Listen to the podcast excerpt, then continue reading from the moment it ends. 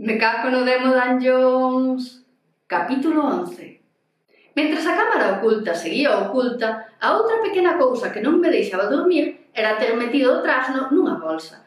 E comecei a darlle voltas a buscarlle un fogar, un de verdade. Busquei por toda a rede información sobre trasnos. Atopei pirateados algúns dos estudios de Igor, e a verdade é que me pareceu todo unha solemne trapallada. Non tiñan ni idea do que falaban O único o que eu lle daba validez era as traducións dos textos antigos. Era de supoñer que noutros tempos, cando había menos xente no mundo, menos mecánica e menos contaminación, as criaturas do mundo campaban tranquilamente unhas mezcladas cas outras. Claro que tamén podían ser o resultado de algunha seta alucinóxena. Cuns días máis sobre o calendario, a Cámara Oculta deixou de preocuparme e para manter a alerta a miña paranoia, comecei a sentir que me seguía. Conteillo a Bego e partíase de risa, aínda sabendo todo o que pasara, doulle a risa, non porque pensara que toleara e comezaba a ver eh, os semáforos como paparazzi, senón porque me cría unha famosa acosada por sair unha vez na televisión. Pero non me enganaba, Tres días despois desa conversa na praza de Lugo, unha muller agarroume polo brazo e tirou de min ata un apartado. Coñecinte pola televisión. Ti non me coñeces? Preguntou a muller. Non, desculpe. Todas as famosas dicían que a xente que as vía pola tele pensaba que elas tamén as vían. Eu son a que che levou a neveira. Dixo en baixo como avergoñada. Ah, vale. Dixen caendo da burra, sen saber que me ia pedir aquela muller, porque na entonación non lle adivinhei a intención. Non sei se queres que xa devolva, preguntou. Cando lle dixen que non, respirou aliviada.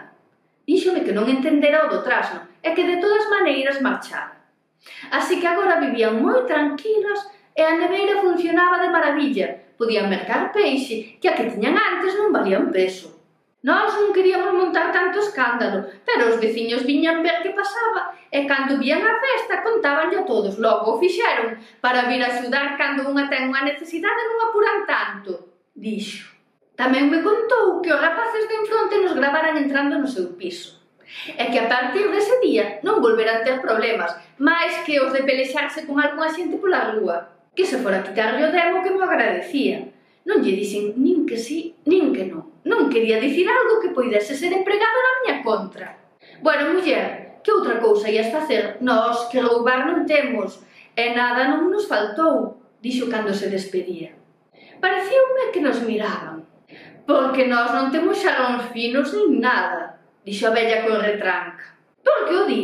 Preguntoulle alguén por algún xalón caro ou? Interroguei. Veu ese da televisión o vello que ten moitos aires, que pensa que ten moita educación, dixo a tipa cravando o personaxe. Que lle deron xalón de sargadelos, que dis que tiña o demo dentro. Entrou sen permiso a nosa casa, xa era de toca roque, entra toda a veciñanza. Non marchou moi contento, Non sabía se chamar a Bego e contarlle que pensaba que Lois lle contara a Igor, que eu lle contara a el que o Demo estaba nun xagón de sargadelos ou se quedar cas ganas para evitar que se volvera a rir de min. Oes, que o teu amigo ese da universidade veume preguntar como era o xagón onde agacháramos o demo. Dixo Bego. Tony non me deixou contestarlle. Díxome que non volvera a falar do tema con ninguén que a ver se íamos ter un desgusto. Fixaches ben, Eu dixenlle do xalón porque tiña medo de que me acusasen de roubar un demo, tal como estaban as cousas, dixen. Contello da vella na praza e desta vez non riu. Incluso foi ela a que suxeriu que algo raro estaba pasando. Que o tal Lois non estaba tan humilde como outro día. No Facebook tiña unhas cinco mensaxes del. O primeiro falando de cousas cotiáns e despois a saco para sustraer información sobre o condenado demo pero non lle debiu parecer abondo, que o tiña esperando por min diante da porta cando cheguei á casa. Mira, que os vellos non teñen ningún xerrón de sargadelos, dixo Lois. Igual non era de sargadelos, tiña de buxos azuis, respondín. Hai algún motivo polo que me tiñas que mentir sobre onde me teche do debo? Preguntou. Hai algún motivo polo que teñas tanto interese en saber onde está o demo? Preguntei. Lois calou. Claro que había. Eu vou entrando, ti será mellor que marches, dixe. Ainda che debo unha cea, dixo Lois. Non creas que o esquezo, aclareille. Aí tamén mentín, xa o esquecera, foran moitas emocións xuntas. Eu que levaba unha vida tranquila. Igual non tanto, pero de outro xeito. Telo ti, non si? Preguntou Lois. O que? O xarón? Non, non trouxen xarón ningún, dixen. Pero tanto o dixen como o confesei, e tiven sorte de que Lois non estivera atento, porque ao preguntar o que, xa dei a entender que algo tiña. Ou iso me pareciu. Porén, el marchou e a min axudoume a tomar unha decisión sobre o destino definitivo do trasno. Era unha criatura da fraga, pois a fraga, E aínda que no blog do Demo Danjóns dicía que era un trasno do fogar, eu ia ao levar a fraga, a doeume que era a máis bonita que coñecía, a única realidade.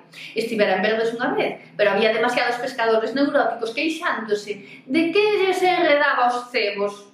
No Eume había un mosteiro, museo, así que de aburrirse polo monte adiante, sempre tería un refuxio. Sabería un trasno topar o camiño cara a unha casa tiña que saber. Houve un tempo no que non había casa de Demodanllóns, quero dicir, seguramente o trasno era máis vello que a casa.